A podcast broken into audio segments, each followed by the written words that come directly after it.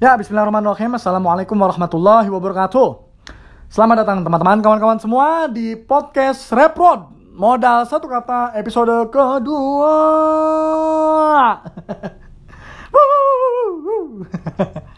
Masih absurd. Aduh. Oh ya, gimana nih kabarnya teman-teman, kawan-kawan semua, di mana pun kalian berada, yang lagi banyak masalah dan lain sebagainya. Gimana kabarnya nih, aduh.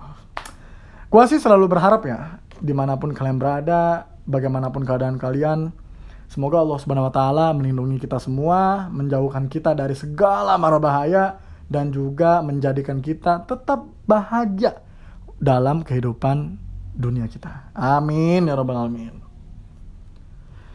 Nah, di episode kedua kali ini, gue pengen membahas kata yang pastinya berbeda dengan episode pertama. Dan kata yang gue angkat kali ini kemungkinan akan terasa aneh gitu di telinga buciners buciners yang sedang berpacaran kali ini. Karena kata yang gue angkat kali ini adalah prioritas.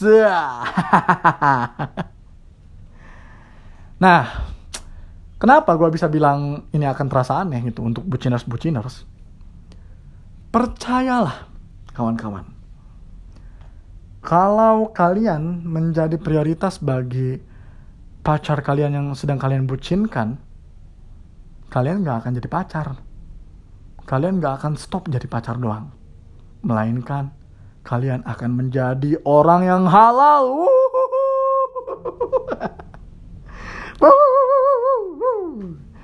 Makanya, yuk bisa yuk 2022 yang masih pacaran halal, yuk bisa yuk 2022 berhenti pacaran Yuk bisa yuk 2022 Revi juga halal. Supaya kalian bisa menjadi prioritas bagi pacar kalian. Asik. Ya, ngomongin tentang prioritas ya. Kalau misalnya gue bahas secara umum, prioritas itu adalah sesuatu yang menjadi hal paling penting dalam kehidupan manusia.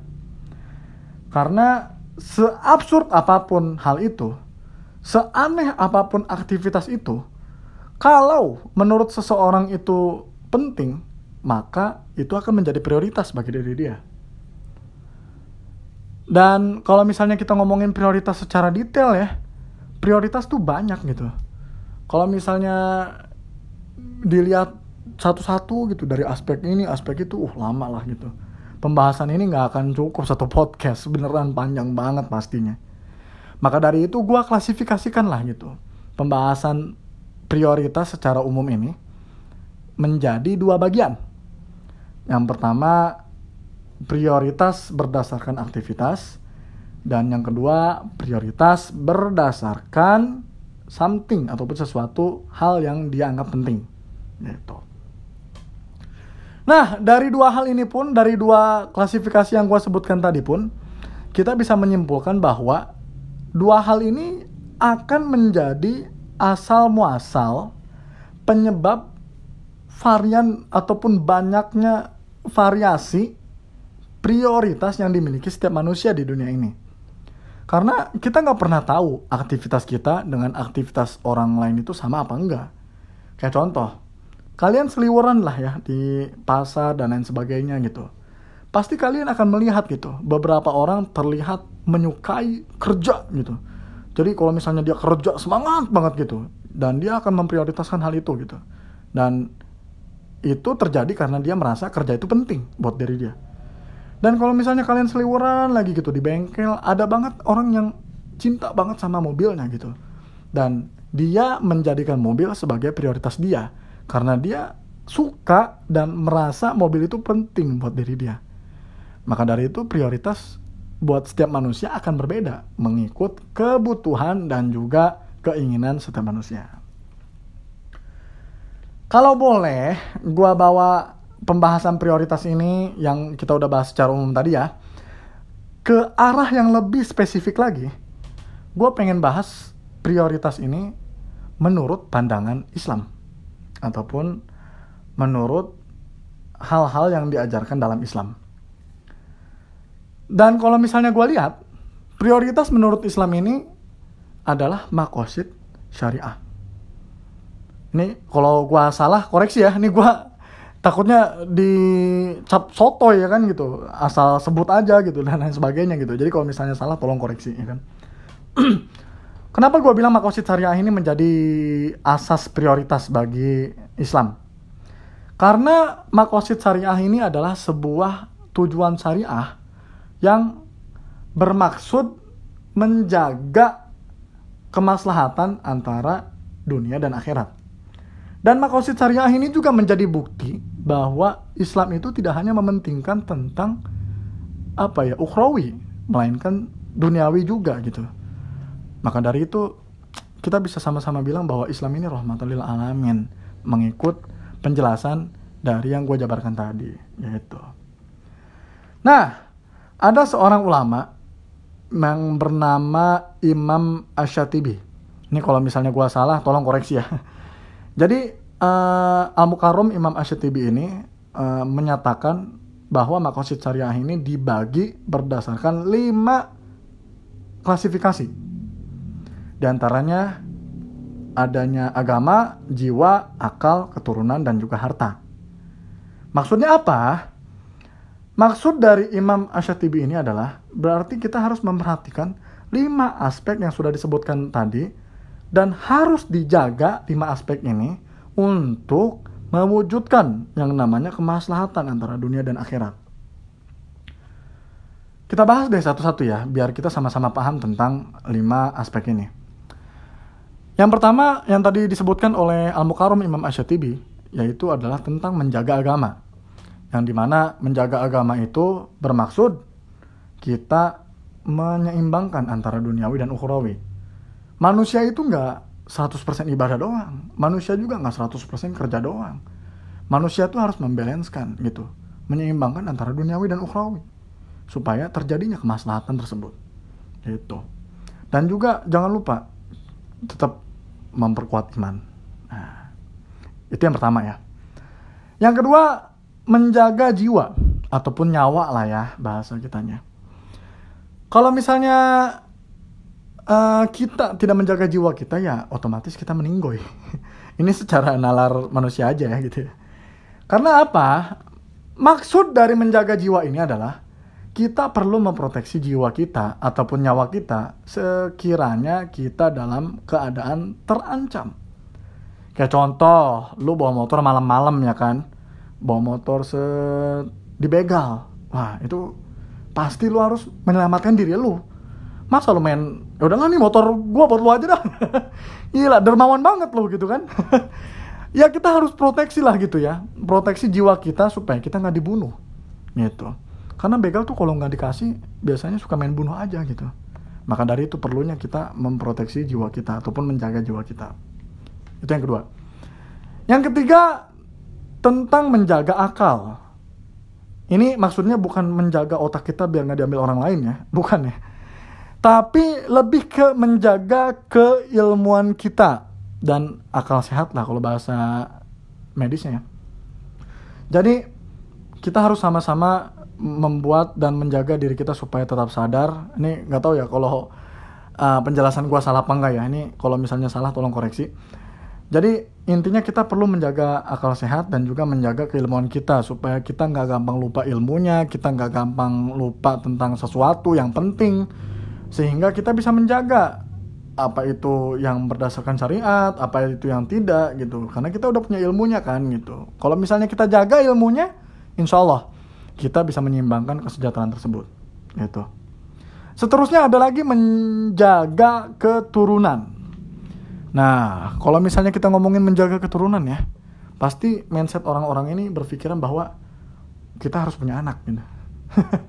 pasti ke situ gitu otaknya gitu. Ya bisa jadi benar, bisa jadi enggak juga gitu. Karena maksud dari menjaga keturunan ini adalah menjaga kehormatan supaya keturunan kita tidak terhina gitu.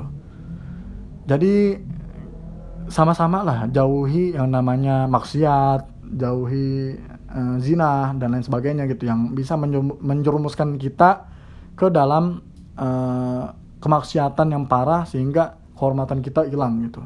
Jangan sampai kayak gitu. Maka dari itu pentingnya menjaga keturunan dengan cara menjaga kehormatan tersebut sehingga keturunan kita tetap mulia. Amin ya Allah. Yang terakhir ada menjaga harta. Nah, kalau menjaga harta ini lebih ke arah menjaga pendapatan kita supaya tidak ada satu pun, satu sen pun ataupun satu rupiah pun yang masuk ke dalam uh, apa ya kategori haram itu jangan sampai kita mau ini ya apa namanya mau nafkahin keluarga mau nyari duit buat diri kita sendiri dengan duit haram gitu dengan korupsi dan lain sebagainya gitu kan.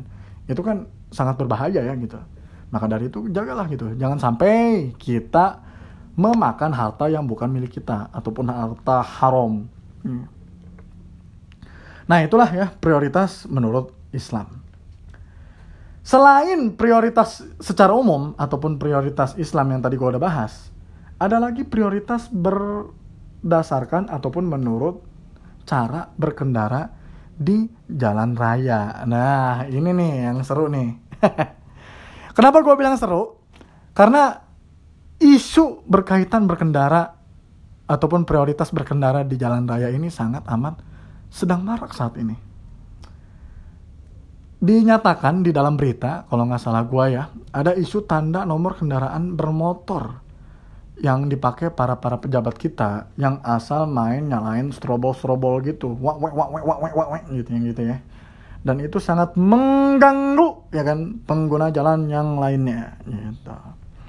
Ya kalau misalnya kalian melihat ada plat RF, RFS, RFD, RFP dan lain sebagainya gitu yang di mana dia plat hitam milik pribadi gitu yang sudah dinyatakan oleh kepolisian tuh tidak layak untuk diprioritaskan, maka itu boleh diprotes. Oke kawan-kawan? Itu. Nah, gue bakal sebutin deh untuk lebih jelasnya lagi supaya kita sama-sama mencermati prioritas berkendara ini seperti apa. Ada beberapa aspek yang bisa menjadi prioritas dalam berkendara. Yang pertama ada pemadam kebakaran. Yang di mana pemadam kebakaran ini prioritas beneran prioritas banget lah gitu. Dia ini perlu menyelamatkan nyawa karena taruh, taruhannya nyawa loh ini. Maka dia prioritas gitu. Yang kedua ambulans apalagi yang bawa-bawa orang sakit ya gitu. Itu perlu diprioritaskan. Jadi kalau kalian lihat ambulans wiu wiu ya kan gitu. Kasih jalan lah. Yang ketiga iringan pimpinan dan lembaga Republik Indonesia. Nah, kalau kalian melihat mobil Bapak Presiden kita ataupun Bapak Wakil Presiden kita serta jajarannya lewat dengan iring-iringan, tolong kasih. Jangan sampai harus diperingatkan dulu dengan dipecahin kaca spion. Ini kalau kalian tahu beritanya ya itu lucu sih itu. Sehingga kalian tuh jadi kayak ngerasa paling benar gitu. Sesungguhnya presiden dan wakil presiden harus diprioritaskan menurut kepolisian gitu. Yang keempat, pimpinan dan pejabat asing kayak contoh perdana menteri Malaysia, perdana menteri eh, negara-negara uh, lain kalau datang ke Indonesia lewat di dekat kalian itu harus dikasih prioritasnya. Kemudian ada juga lembaga internasional yang menjadi tamu negara. Nah, ini contohnya kayak PBB kali ya ataupun UNESCO gitu yang sangat apa ya mendunia sekali gitu lembaganya ataupun KTT nanti nih ya KTT yang ke-20 yang akan diselenggarakan di Indonesia saat ini itu kalau misalnya kalian lihat iring-iringannya itu harus dikasih karena itu adalah prioritas itu kemudian ada juga iringan jenazah jadi kalau misalnya kalian melihat ada orang yang lagi bawa-bawa jenazah di mobil ambulans gitu-gitu ya yang karena suka dalam apa namanya uh, bendera kuningnya gitu ya di mobilnya itu kasih jalannya karena itu salah satu prioritas oke okay? Nah, yang terakhir ada sebuah konvoy yang sudah diperbolehkan oleh kepolisian. Nah, ini agak bingung nih sebenarnya. Ini statement terakhir sebenarnya yang agak paling bingung karena buat gua konvoy yang sudah disahkan kepolisian ini bisa bermacam-macam kan. Kalau misalnya bupati lewat diiringin kepolisian oke okay lah gitu ataupun orang nikahan gitu sekalipun orang nikahan gitu ya dikasih iring-iringan kepolisian ya nggak apa-apa gitu kalau misalnya contoh iring-iringannya kayak motor gede gitu ya, moge-moge gitu, yang mau jalan-jalan, apakah itu harus dikasih sebagai prioritas? Nah itu pertanyaan gue tuh. gue masih bingung loh masalah itu, seriusan asli. Karena buat gue belum tentu itu jadi prioritas gitu buat kita ya kan. Ya, ah ini ini gue bertanya sebagai orang umum ya, bukan judgement ya, tapi benar-benar bingung. Apakah itu menjadi prioritas apakah konvoy ini ada lebih spesifiknya lagi seperti apa gitu. Kalau misalnya teman-teman ada yang tahu bisa DM ke gua ya ke Instagram gua Muhammad Rifidam Sanjani nama gua dirapetin intinya gitu doang nama IG gua. Dan kalian bisa DM ke situ deh penjelasannya seperti apa. Karena gua bener-bener nggak ngerti ini masalah yang konvoy ini ya gitu. Ya itu aja lah ya pembahasan tentang prioritas yang ada di dunia ini.